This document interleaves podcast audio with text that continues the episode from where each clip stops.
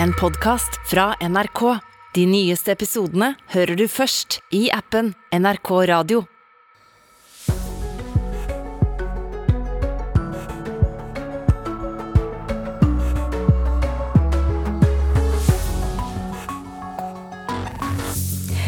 Riktig god eh, morgen. Det raser fremdeles skogbranner i flere søreuropeiske land. Varmen de siste dagene har gjort naturen knusktørr. Og vi kan vente oss flere slike varmebølger, sier fagfolka. Hvordan blir egentlig den norske sommeren i åra som kommer, spør vi straks her i Nyhetsmorgen. Og vi har sett det flere ganger. Unge, sinte menn som eh, tar til våpen. Vi må tørre å stille de vanskelige spørsmålene, sa borgermesteren i København etter skytinga der nylig. Kunne vi ha gjort mer?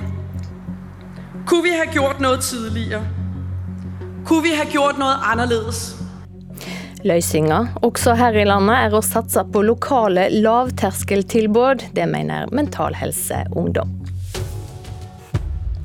Og vi skal også innom italiensk politikk. Mario Draghi kan komme til å trekke seg som statsminister i Italia i løpet av morgenen etter en dramatisk kveld i går. I studio i dag Silje Sande.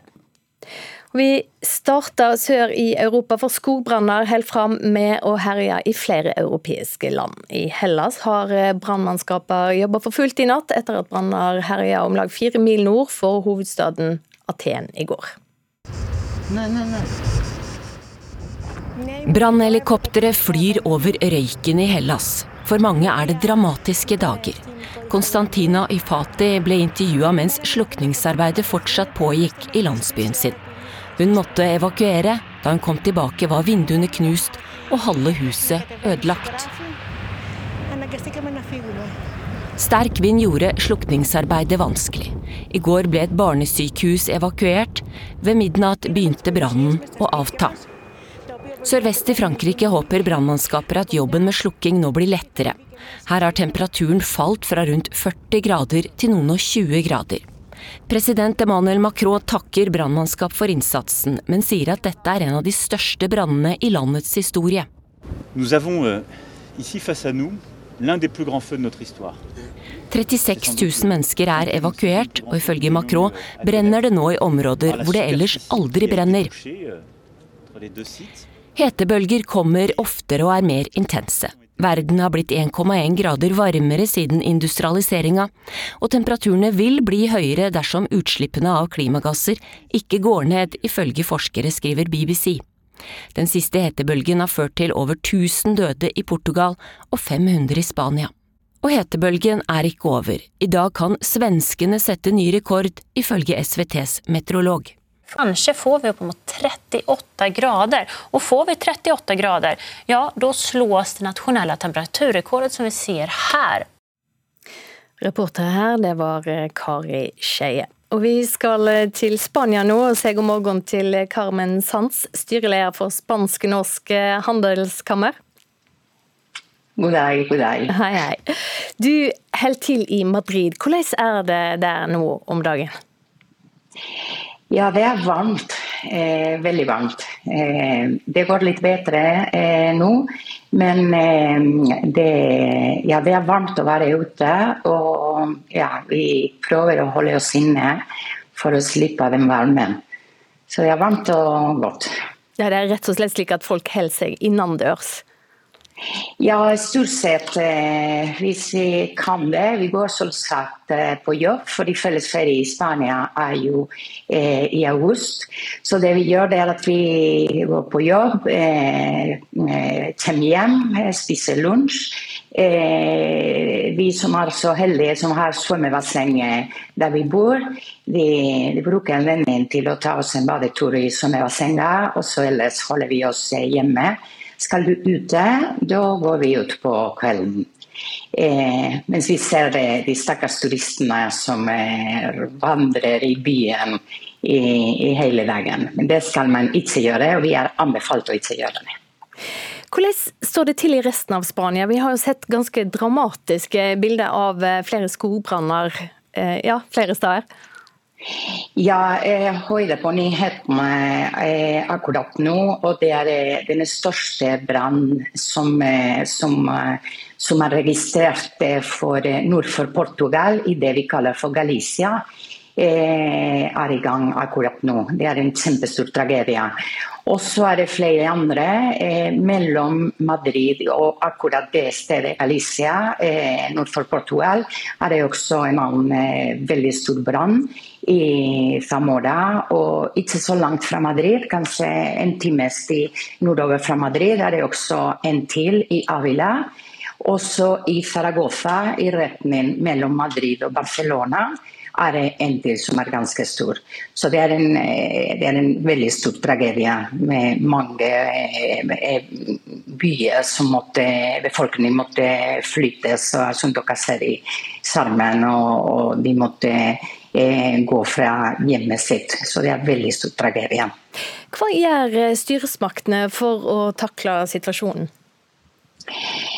Ja, eh, De sliter med saken fordi det er ikke nok midler eh, for, å stoppe, for, å stoppe, det.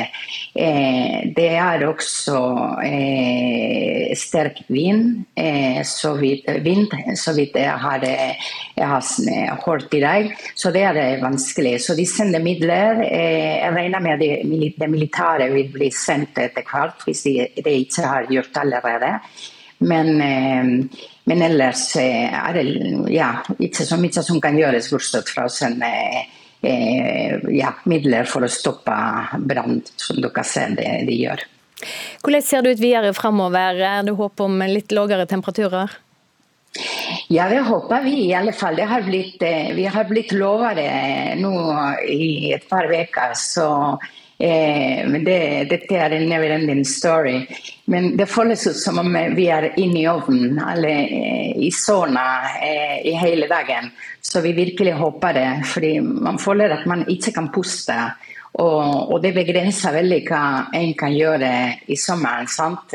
Så det er jo Vi håper det blir litt friskere luft snart. Eller kanskje å gå på og reise til stranda. Det kunne være en, en alternativ også, hvis man får ferie.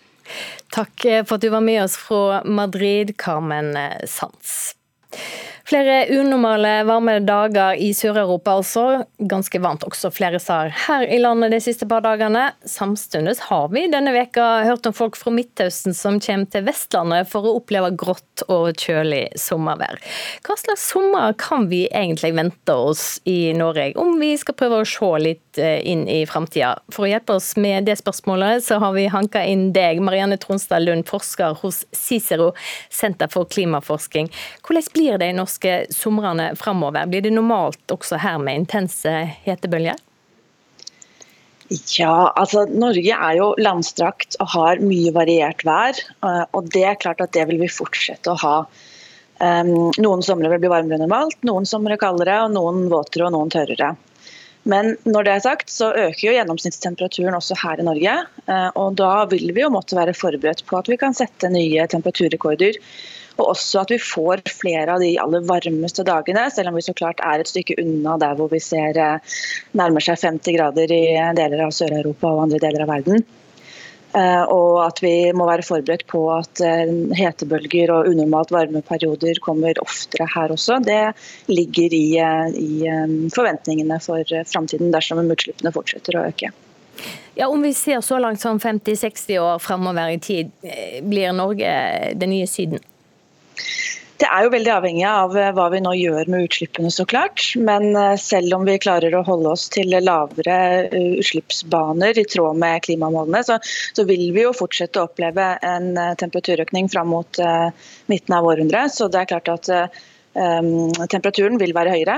Vi vil ha flere sommerdager mange steder i landet. Ikke alle år og ikke overalt hver gang, men, men at vi får flere varme dager. det kan man eh, tenke seg å, å under disse utslippsbanene også, og da selvfølgelig i enda større grad dersom vi nå ikke får gjort eh, det vi har satt oss som mål. Og så er det jo dette med nedbør også, som vi så klart er opptatt av. og, og Klimamodellene sier jo generelt at uh, vi kan forvente mer styrtregnsepisoder også i store deler av landet. Ja, Hvis vi klarer å endre på dette, det er jo ja, vi vet jo ikke helt hva ulike scenarioer ser forskerne for seg for eh, framtida her i landet? Mm. Altså det ligger eh, mange mange scenarioer eh, i bunnen av studiene man gjør, men det er typisk kanskje gruppert i tre, da, hvor du har en gruppe hvor du faktisk når klimamålene. Du har en eh, gruppe hvor eh, vi klarer å oppnå dagens vedtatte politikk, men ikke så veldig mye mer. Og så har du typisk en gruppe som ligger i et sånt eh, worst case, verst tenkelig utfall, hvor vi fortsetter akkurat som i dag med de høye utslippsbanene. Hva er mest sannsynlig da? Alle disse scenarioene er det spennende måte, mulige fremtider, men det er ikke festa noen sannsynlighet ved det. Hvis vi ser på hvor vi er i dag, så, så har vi jo vedtatt politikk eh, som eh, gjør at vi skulle ligge an til kanskje en rundt tre graders global oppvarming. Eh, men utslippene har jo ikke begynt å falle i tråd med disse ennå. Så, så, at vi kan havne høyere er også en, en mulig løsning. Og så er det jo selvfølgelig håp at vi skal klare en klimamålene på 1,5 eller 2 grader. Men uansett, så det vi kan si med svært høy grad av sannsynlighet, er at eh, klimarisikoen på stort sett alle områder vil øke med økende grad av oppvarming. Kort til slutt, eh, Vi har snakket om Norge nå og litt om Europa. Hva med resten av verden? Ja, altså det er sånn at I dag så vil, er stort sett alle områder på kloden påvirket av eh, klimaendringer og global oppvarming. Eh, og Det vil jo fortsette der også. Altså, dette Forholdet mellom klimarisiko og temperatur er eh, ganske godt forstått og etablert, selv om typen konsekvenser og påvirkning varierer fra sted til sted. Europa om sommeren har jo nå opplevd, som vi så i sakene før, en, økning i antall hetebølger, og også i intensiteten på disse hetebølgene når de kommer. Og Det er en eh, konsekvens som man forventer vil fortsette å være. Og, og Vi ser jo også andre deler av verden setter temperaturrekorder. India, Pakistan, Australia, Asia, Canada, nordområdene. Så en sånn temperaturøkning med, med rekordvarme og, og, mer ekstremvær. Ekstremvær er et eh, nøkkelord for, eh, for klimarisikoen framover, hvis vi fortsetter på disse banene. Mm. Takk Marianne Tronstad Lund for at du var med hos oss, forsker hos eh, Cicero senter for klimaforsking klimaforskning.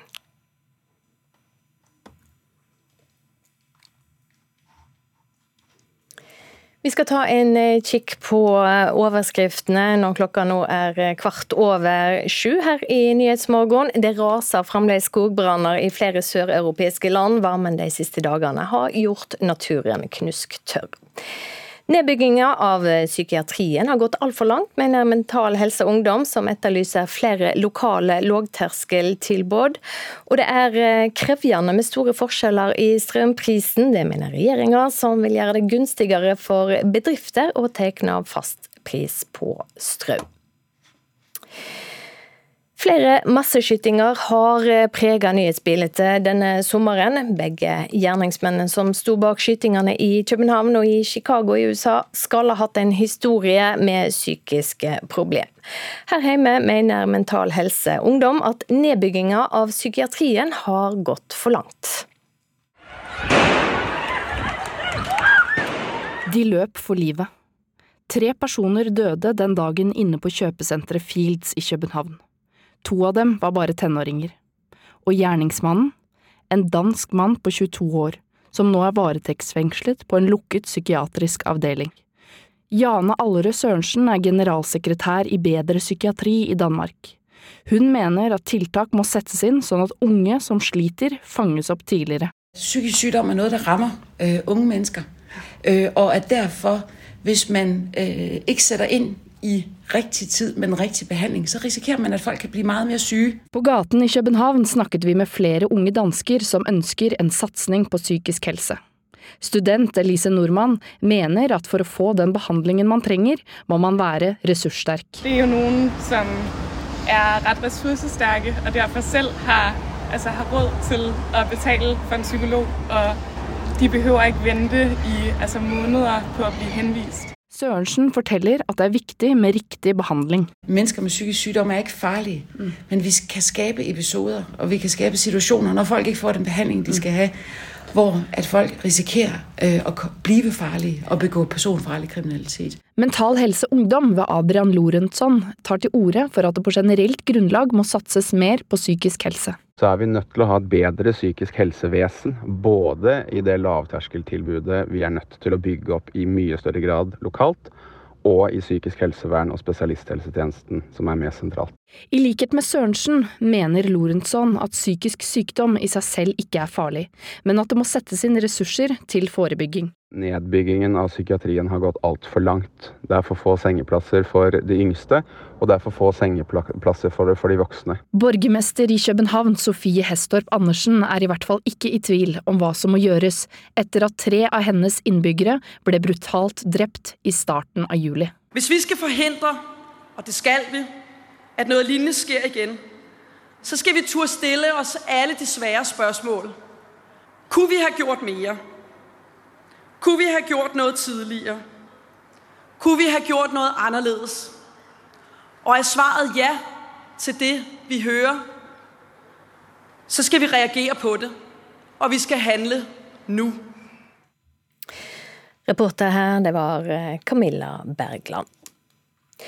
Så skal vi til Italia. Det var en dramatisk kveld i det politiske Italia i går, da Mario Draghi ba om senatets tillit til å fortsette som statsminister etter ei uke med regjeringskrise. Europakorrespondent Simen Ekern med oss nå. Hva var det egentlig som skjedde?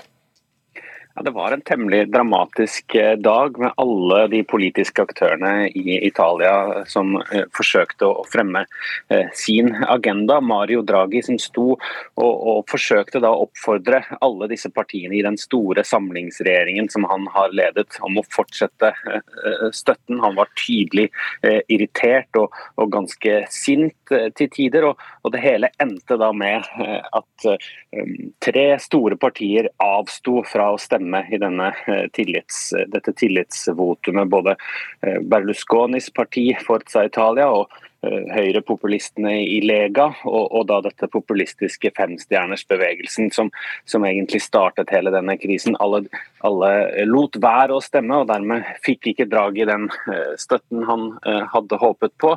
Iallfall ikke den politiske støtten han hadde håpet på. Så etter alt å dømme så kommer han da til å komme til parlamentet i dag klokka ni i dag morges og, og si at nå er det slutt. og Så kommer han til å gå til presidenten og si det samme, og så får vi da vite eh, hva som skjer videre. Ja, hva, hva tror vi skjer videre dersom han gjør det? Ja, etter alt å dømme nå, så eh, blir det da et eh, ganske raskt nyvalg. Eh, slutten av september eller begynnelsen av oktober. Noe som i seg selv er helt uvanlig i, Italia, fordi man helst ikke vil ha valg om høsten. Da skal man vedta budsjettet og sørge for at saker og ting går på skinner. Så allerede her er, er folk litt bekymret. Og så blir det valgkamp nå midt i, i, i sommerferien, som man heller ikke er særlig vant til. Og så er det klart at den situasjonen Italia Italia eh, og Europa befinner seg i, gjør at dette blir et veldig spesielt eh, valg. Det er eh, bekymring for gassleveransen. Da får vi kanskje vite noe mer i dag om russisk leveranse til Europa. Og, Italia er jo særlig avhengig av den gassen. Og så handler det jo om italiensk økonomi, som, mange italienere og europeere er bekymret for i krisetider. Så i en, en, tid der mange hadde håpet på stabilitet, så, så blir det en hel del mer usikkerhet og, og, og valgkamp og politisk eh, renkespill i Italia. Så får vi se hvor det ender, da. Ja, hvordan reagerer italienerne på at det kan komme en ny regjeringskrise nå? Nei, det, eh, Meningsmålinger i forrige uke viste jo at eh, så, så mange som 65-70% av italienerne aller helst ville at Mario Draghi skulle fortsette, og at det ikke skulle bli valg før til våren. Så, så mange har jo håpet på et annet resultat. og Det er nok derfor eh, disse partiene i går også valgte å avstå fra å stemme, i stedet for å felle Draghi. For ingen vil egentlig helt ta ansvaret for at Mario Draghi skal gå an. Han har vært en politisk populær figur Eh, og mange er bekymret for hva som skjer nå. Det tror jeg mange av partiene eh, er også, egentlig. Så dermed er dette en krise der alle peker på hverandre eh, og, og nå lurer litt på, på, på, hva som skal skje. Så, så, på mange måter en krise som italienerne helst ikke ville ha heller. Og, og, og spillet som nå starter er jo på en måte både å legge skylda på, på de andre, og så manøvrere seg fram til en eller annen situasjon i en valgkamp der man kan si at uh, nå er det vår tur til å ta over. og, og da er det jo ytre høyre, en eller annen form for ytre høyre-høyrekoalisjon som ser ut til å lede. Hvis ikke da det som skjedde i går med denne krisen fører til at italienerne endrer mening og, og vil ha eh, noen eh, andre til å lede landet i stedet. Men eh, Simen, Mario Draghi har jo vært en markant figur på den eh, europeiske politiske scenen. Hva slags internasjonale reaksjoner er kommet på, på det som har skjedd i går og de siste dagene i Italia?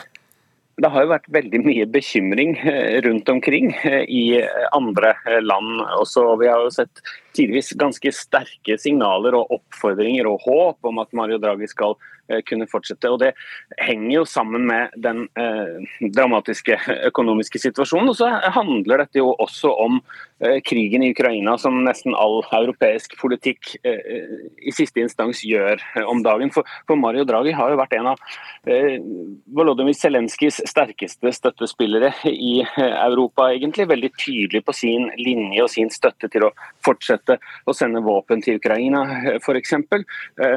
Eh, derfor har jo mange eh, i Europa også sett med bekymring på eh, politiske signaler fra en del russiske politikere som nå har uttrykt at de er svært fornøyde med, det som skjer. Nok en leder i det svake, liberale politiske Europa faller, og vi kan gå videre med vårt prosjekt. Det er bekymring for symboleffekten eh, når det gjelder eh, en samlet europeisk front mot eh, Vladimir Putin, tror jeg. Og så er det da alle disse økonomiske bekymringene, med energikrise, med økonomiske eh, følger av den situasjonen som, som, som, vi er i nå. Der mm. mange hadde håpet på et annet Italia enn det vi ser nå. Simen, vi må sette strek der. Takk for at du var med oss, korrespondent Simen Ekern, altså. Det skal handle om strøm nå, for regjeringa kan ikke love strakstiltak for å gjøre noe med den store forskjellen i strømpriser mellom Sør-Norge og resten av landet, men fra neste år av så skal det bli gunstigere å inngå fastpris på strømmen for bedrifter. Statssekretær i Olje- og energidepartementet Elisabeth Sæther fra Arbeiderpartiet har forståing for at det er tøft for de som nå har en høy strømpris. Vi unner jo nordlendingene eh, billig strøm, men det er klart så høye priser i Sør-Norge, det er ikke bærekraftig på sikt. Arbeiderpartiordføreren på Røros, Isak Veierud Busk, har bedt om at partifeller i egen regjering tar grep. Høye strømpriser truer små og mellomstore bedrifter. Nei, så Vi kan ikke leve med at vi har så ekstreme prisforskjeller på strøm eh, i de ulike landsdelene i Norge for eh, deler av næringslivet så begynner det her å bli, bli prekært. Virkelig prekært. Flere bedrifter over hele landet har den senere tida krevd at politikerne gjør drastiske tiltak pga. store forskjeller i strømprisen. Det har gått altfor lang tid allerede. Så det vil jo ikke bli noe likere.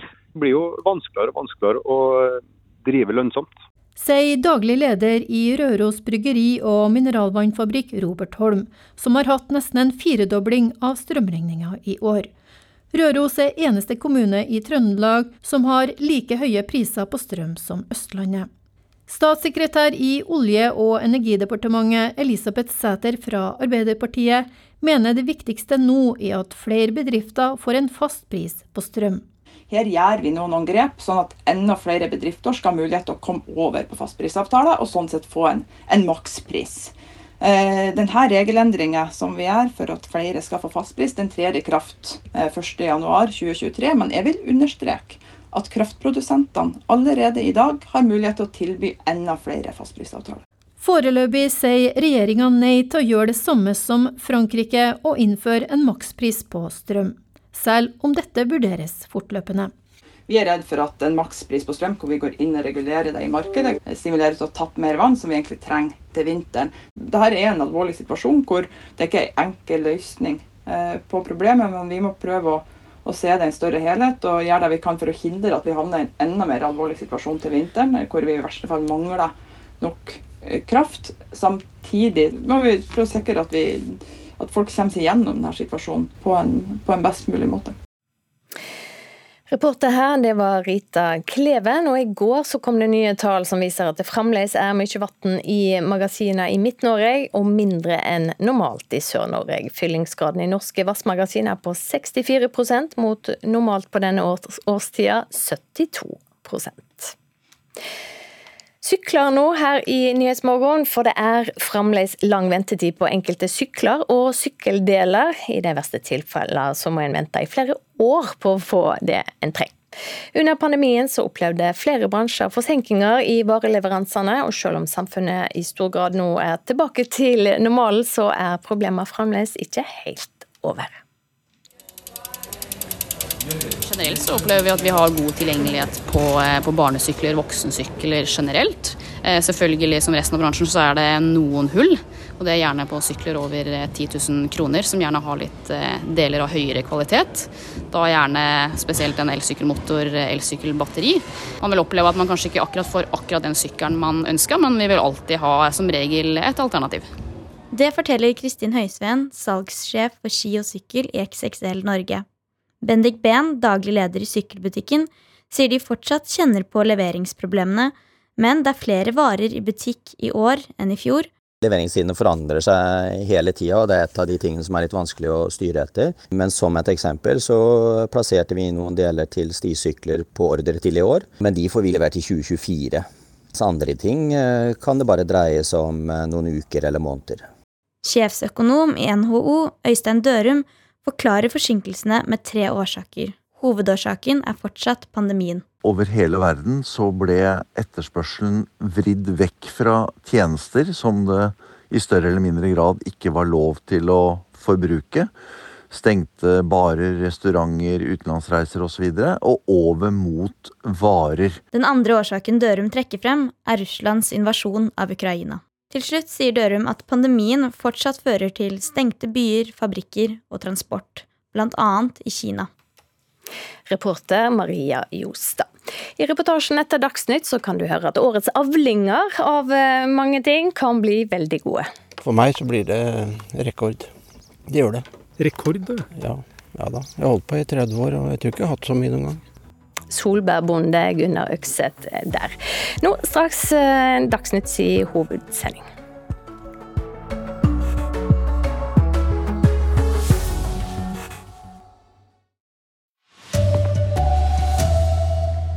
Naturen er knusktørr, og skogbrannene fortsetter å herje i flere europeiske land. Hvis du er på jakt etter ny sykkel, så kan du måtte vente lenge. Mange barn og unge spiser for lite fisk, og de i nord spiser minst, ifølge en undersøkelse. God morgen, her er NRK Dagsnytt. Klokka er 7.30. Tørt og varmt vær fører altså til eh, trøbbel i flere europeiske land. I Hellas så har brannmannskaper jobbet i natt etter at branner herjet fire mil nord for hovedstaden Aten i går. Brannhelikoptre flyr over røyken i Hellas. For mange er det dramatiske dager. Konstantina Ifati ble intervjua mens slukningsarbeidet fortsatt pågikk i landsbyen sin. Hun måtte evakuere. Da hun kom tilbake var vinduene knust og halve huset ødelagt. Den sterke vinden skal fortsette i dag, noe som kan gjøre slukningsarbeidet vanskelig. Et barnesykehus er evakuert. Sørvest i Frankrike håper brannmannskaper at jobben med slukking nå blir lettere. Her har temperaturen falt fra rundt 40 grader til noen og 20 grader. President Emmanuel Macron takker brannmannskap for innsatsen, men sier at dette er en av de største brannene i landets historie. Nous avons euh, ici face à nous l'un des plus grands feux de notre histoire. 36 000 mennesker er evakuert, og ifølge Macron brenner det nå i områder hvor det ellers aldri brenner. Hetebølger kommer oftere og er mer intense. Verden har blitt 1,1 grader varmere siden industrialiseringa, og temperaturene vil bli høyere dersom utslippene av klimagasser ikke går ned, ifølge forskere, skriver BBC. Den siste hetebølgen har ført til over 1000 døde i Portugal og 500 i Spania. Og hetebølgen er ikke over. I dag kan svenskene sette ny rekord, ifølge SVTs meteorolog. Kanskje får vi oppimot 38 grader. Og får vi 38 grader, ja, da slås det nasjonale temperaturrekordet som vi ser her. Reporter her, det var Kari Skeie.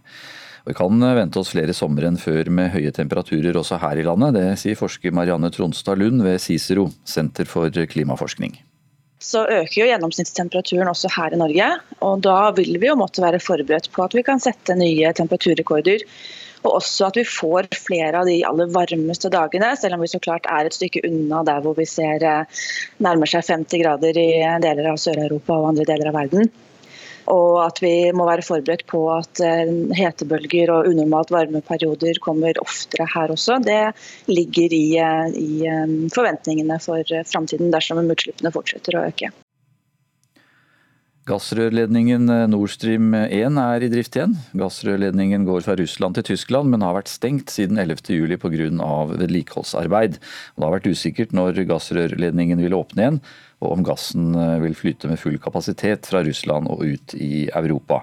Gassleveransene mm, gjennom ledningen er nå på rundt 30% av kapasiteten, ifølge tyske myndigheter.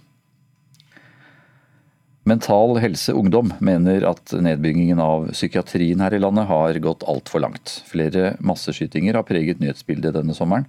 Både gjerningsmannen i skytingen i København og i Chicago tidligere i juli skal ha hatt en historie med psykiske problemer. De løp for livet. Tre personer døde den dagen inne på kjøpesenteret Fields i København. To av dem var bare tenåringer. Og gjerningsmannen? En dansk mann på 22 år, som nå er varetektsfengslet på en lukket psykiatrisk avdeling. Jane Allerød Sørensen er generalsekretær i Bedre psykiatri i Danmark.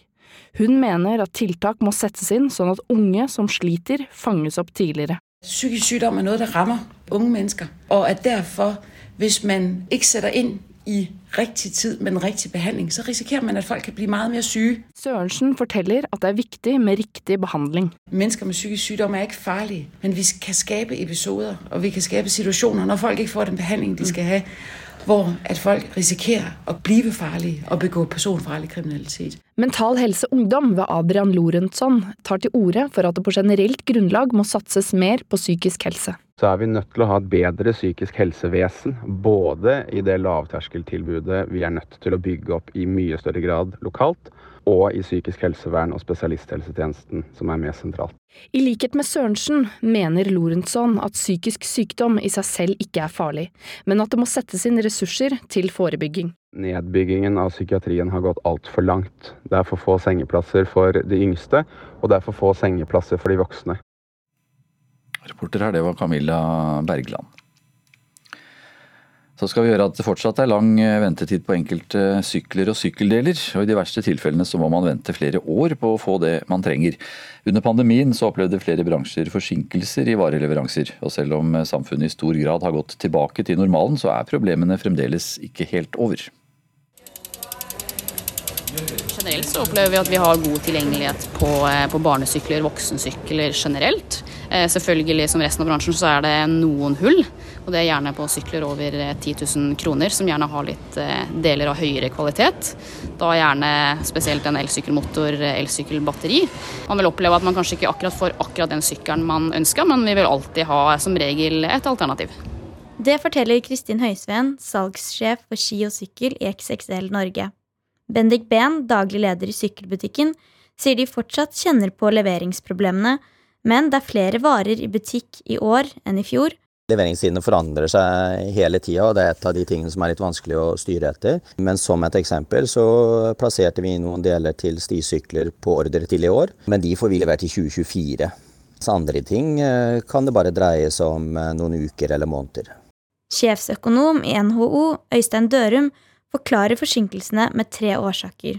Hovedårsaken er fortsatt pandemien over hele verden så ble etterspørselen vridd vekk fra tjenester som det i større eller mindre grad ikke var lov til å forbruke. Stengte barer, restauranter, utenlandsreiser osv. Og, så og over mot varer. Den andre årsaken Dørum trekker frem, er Russlands invasjon av Ukraina. Til slutt sier Dørum at pandemien fortsatt fører til stengte byer, fabrikker og transport, bl.a. i Kina. I det som er verdens viktigste produksjonssted for konsumvarer. Reporter eh, Maria Jostad. Sport nå, for eh, Amalie Juel trengte nok et rekordløp for å kunne ta seg til finale på 400 meter hekk i eh, VM i friidrett i natt. Men det ble tungt på oppløpet for Juel, som dermed er ute av VM. Litt tungt på oppløpet i dag. Når jeg kom over åttenhekken, så trodde jeg kanskje at det skulle gå til, med 15 steg til ny hekken, men det måtte lune et ekstra steg der, steg der, og da stoppet det litt opp. Det ble til slutt en sjetteplass i semifinaleheatet for Amalie Juel og exit i VM. En som imidlertid tok seg til finale, det var Karoline Bjerkeli Grøvdal, som på sitt forsøkstid på 5000 meter kunne spare krefter på oppløpet og sikre finaleplass. Det er litt sånn gøy og uvant å komme ut av siste sving og faktisk slippe litt opp, da. Prøvde å være litt taktisk. Ja, Grøvdal eh, løper finale natt til eh, søndag. Reporter her, det var Emil eh, Johansen. Mange barn og unge spiser mye mindre fisk enn det som er anbefalt av Helsedirektoratet. Og barn og unge i nord spiser mindre fisk enn de i sør. For 19 år gamle Sindre Kielland og Simen Helsingeng i Tromsø så varierer det hvor ofte de spiser fisk. Kanskje mm, med pålegg inkludert, så to, to ganger i uka. To-tre, kanskje. Noen ganger én. Det kommer litt an på. Nei, hvis jeg skal tippe, en gang i måneden.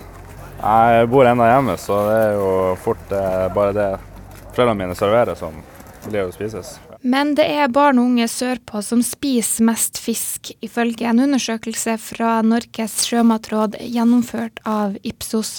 837 barn og unge i alderen 8 til 19 år har deltatt i undersøkelsen. Der kommer det frem at det kun er 7% av de spurte som spiser fisk to til tre ganger i uka. Over halvparten spiser sjeldent eller aldri fisk som pålegg, og 6% spiser nesten aldri fisk til middag.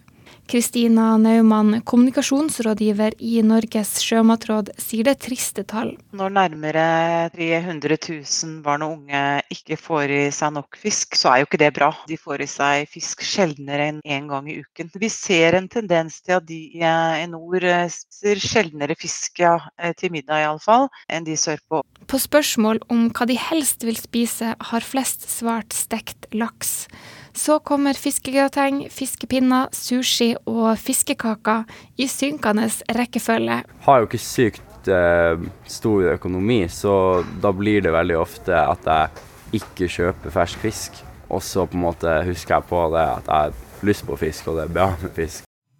Og så til slutt 19 år gamle Sindre Kielland eh, i Tromsø. Reporter det var Rebekka Ellingsen. Ulf Tannesfjell har ansvaret for NRK Dagsnytt i dag. Jeg heter Anders Borgen Werring.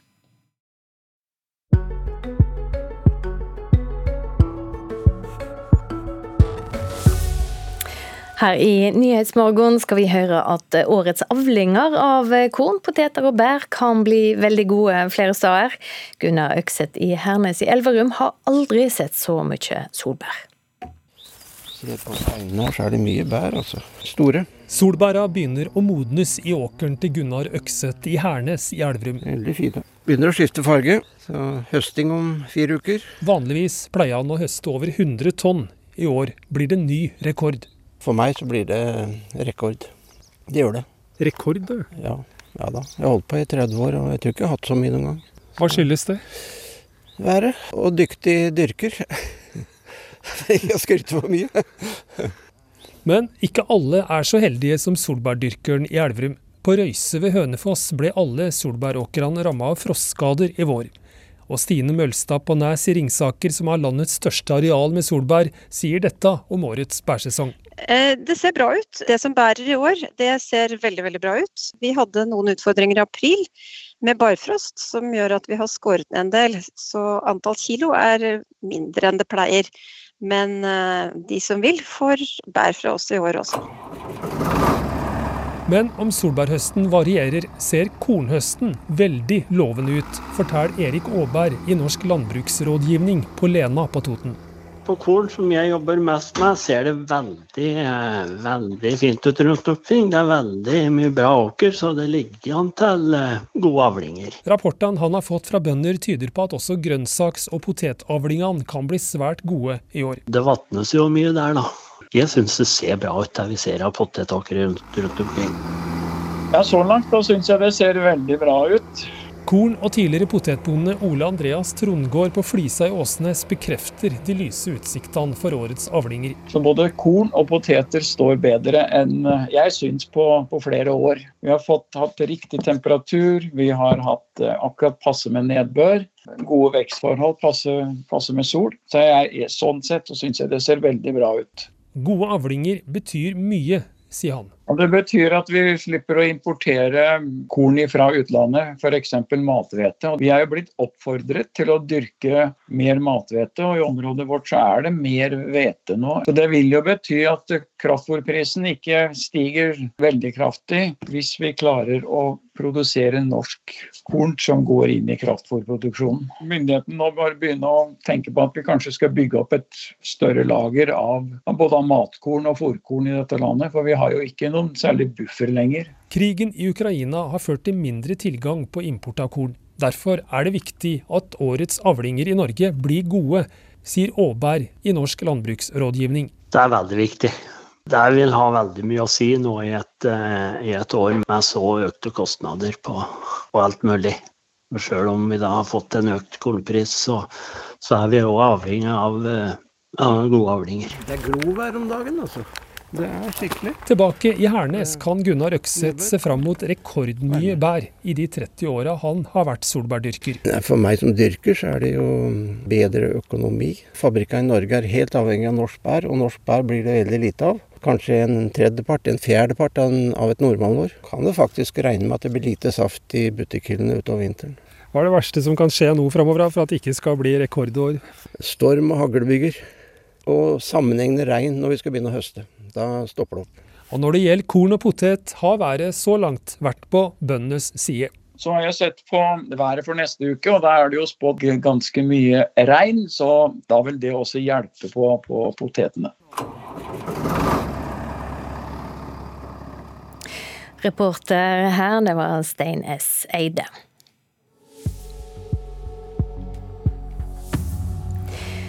Hovedsaken denne torsdagen. Det raser fremdeles skogbranner i flere søreuropeiske land. Varmen de siste dagene har gjort naturen knusktørr.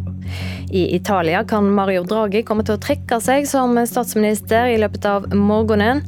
Og gassrørledningen fra Russland til Tyskland er i drift igjen etter vedlikehold. Politisk kvarter har tatt sommerferie. I stedet for sender vi Sommerkvarteret med både kjente og ukjente stemmer. I dag så har reporter Katrin Hellesnes snakka med Ingeborg Moreus Hansen.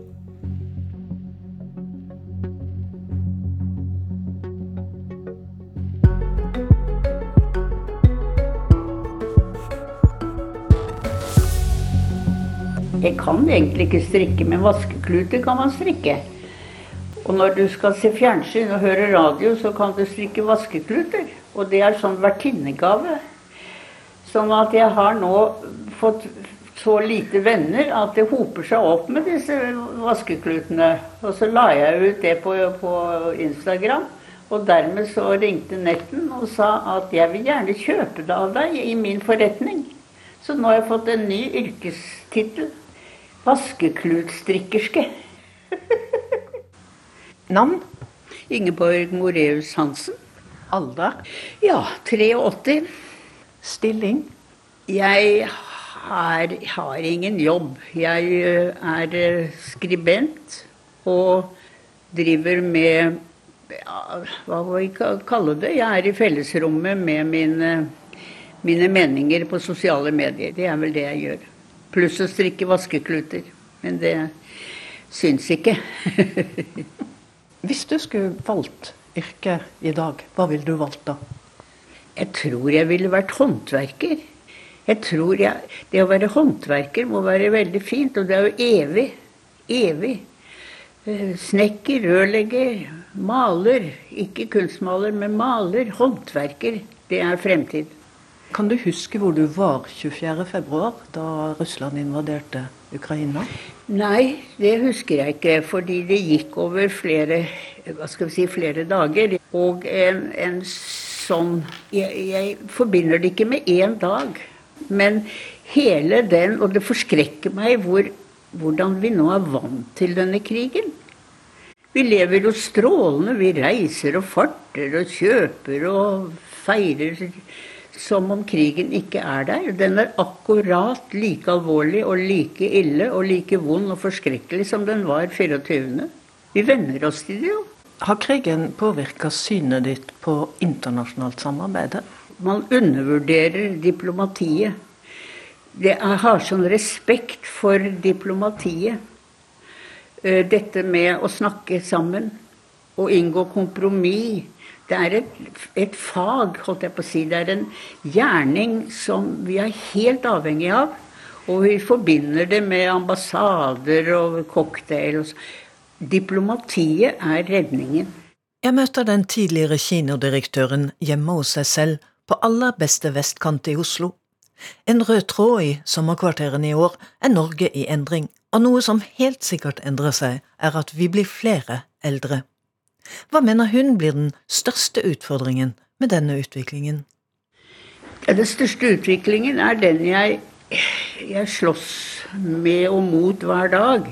Og det er at fellesrommet vårt, demokratiet vårt, samfunnet vårt, må ha også den eldre stemmen. De eldre med hele sin nå tyngde, fordi det blir så flere av oss, og vi blir riktig friske og langvarige så må vår stemme være present i fellesrommet.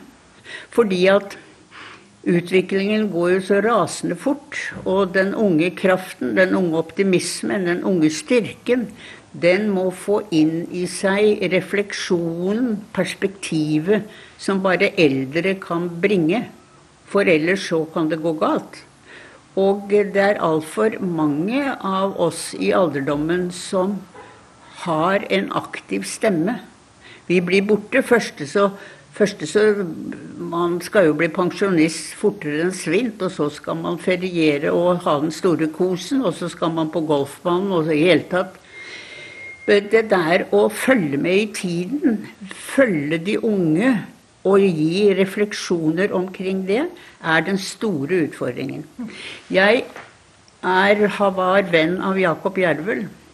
Og jeg husker så godt Jakob Jervel sa eh, at vi mangler alderdomskultur i vår, i vår, i vår kultur.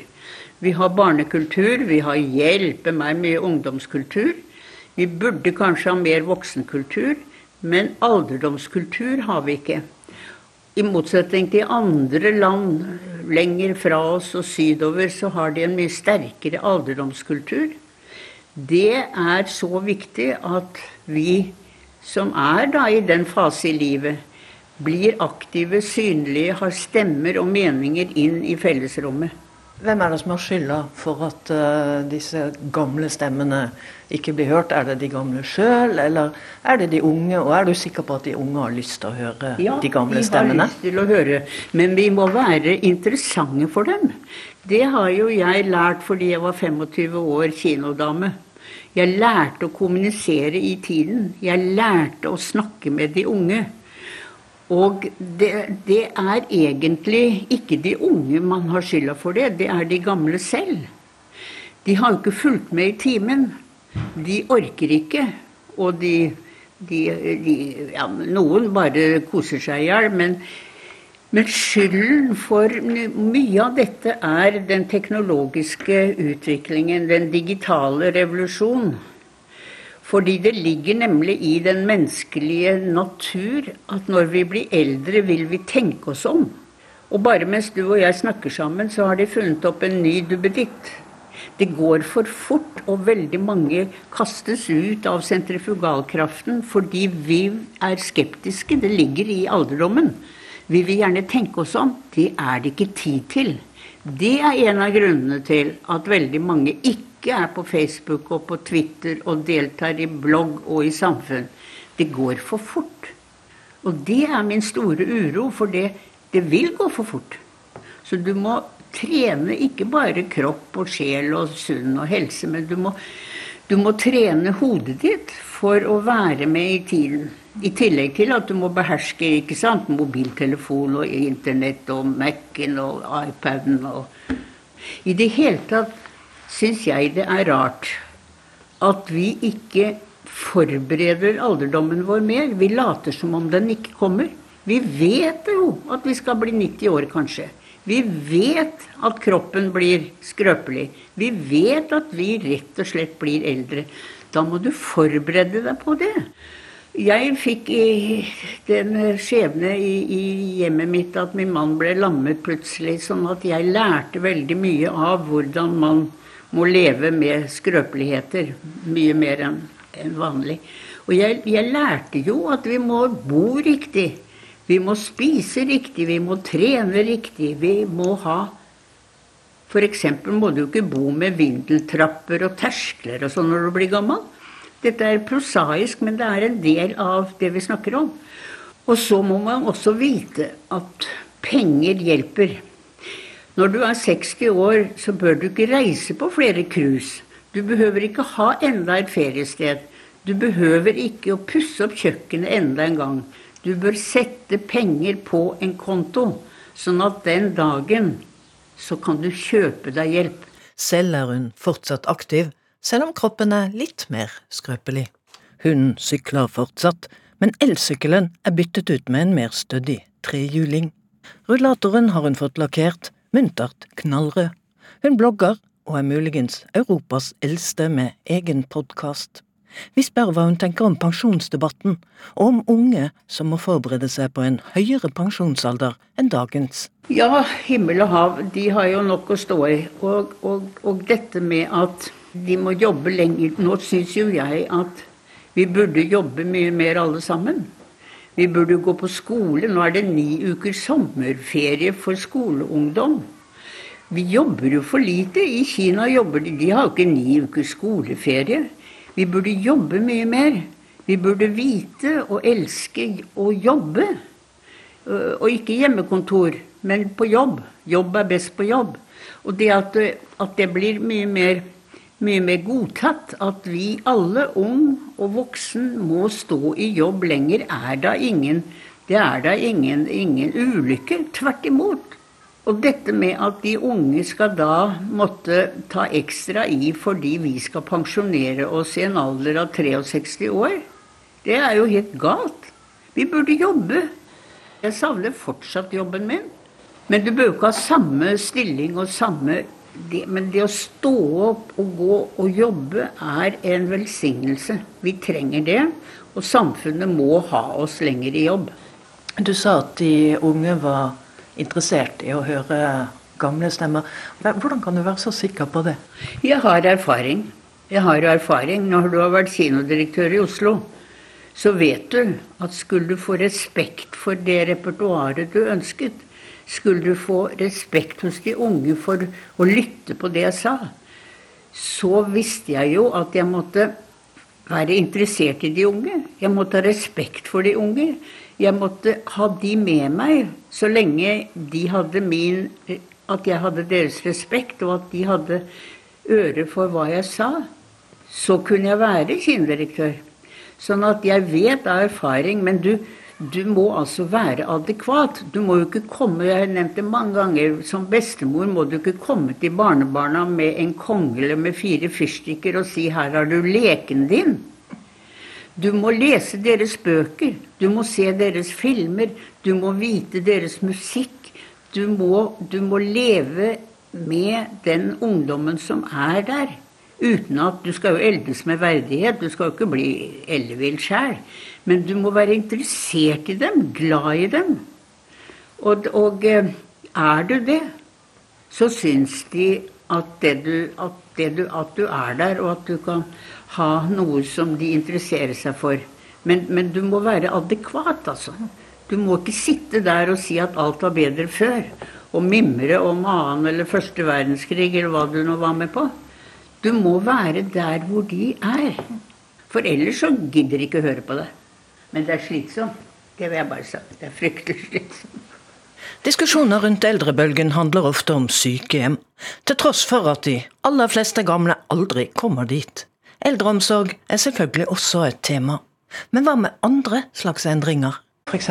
av tjenestetilbud, strukturer, ja, kulturer, hva det måtte være. Nei, der er du inne på noe. Og uh, Det er, det er å skape en forandring i, i samfunnet for det jeg har nå sagt mange ganger, en alderdomskultur. Det må være helt naturlig, både når det gjelder Nasjonalmuseet, når det gjelder trafikken, når det gjelder lydbildet, når det gjelder øh, mat, ernæring, bok og bilde. Det må bli mer naturlig at det også er besøkende brukere som er 70-80-90 år. De, de, skal jo ikke settes ut i ville dyr eller skyves ut for fjellskrenten og dø. Og det blir mange. Sånn at, og, og da må noen si fra. Da må noen rope ut, skrive, mene. Det, det må, denne respekten for de eldre, den må jo bli bedre fordi det blir så mange. Og dessuten er det ikke sunt i et samfunn hvor alle avgjørelser skal tas av mennesker som er 38 år. Jeg vet ikke hvor mange ganger F.eks. når man diskuterer morsrollen. Den er jo stadig under debatt.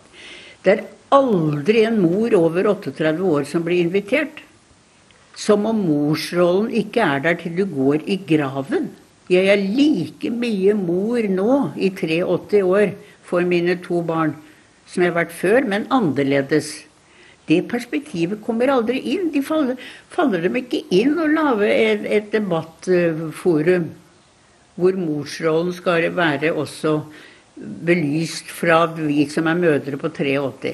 Nei, nei, det dreier seg om bleier og barnehageplasser og, og sånt. Det er et eksempel på at det ikke er sunt. Det er ikke, det er ikke et sant demokrati hvis stemmer og ansikter og synspunkter og reaksjoner ikke høres fra de som er over 38 år.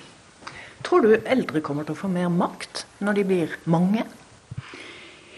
I teorien burde jo det, men det avhenger jo av at de holder koken. Og som jeg var inne på tidligere, det er fryktelig slitsomt å følge med i den, den digitale uh, tilværelsen.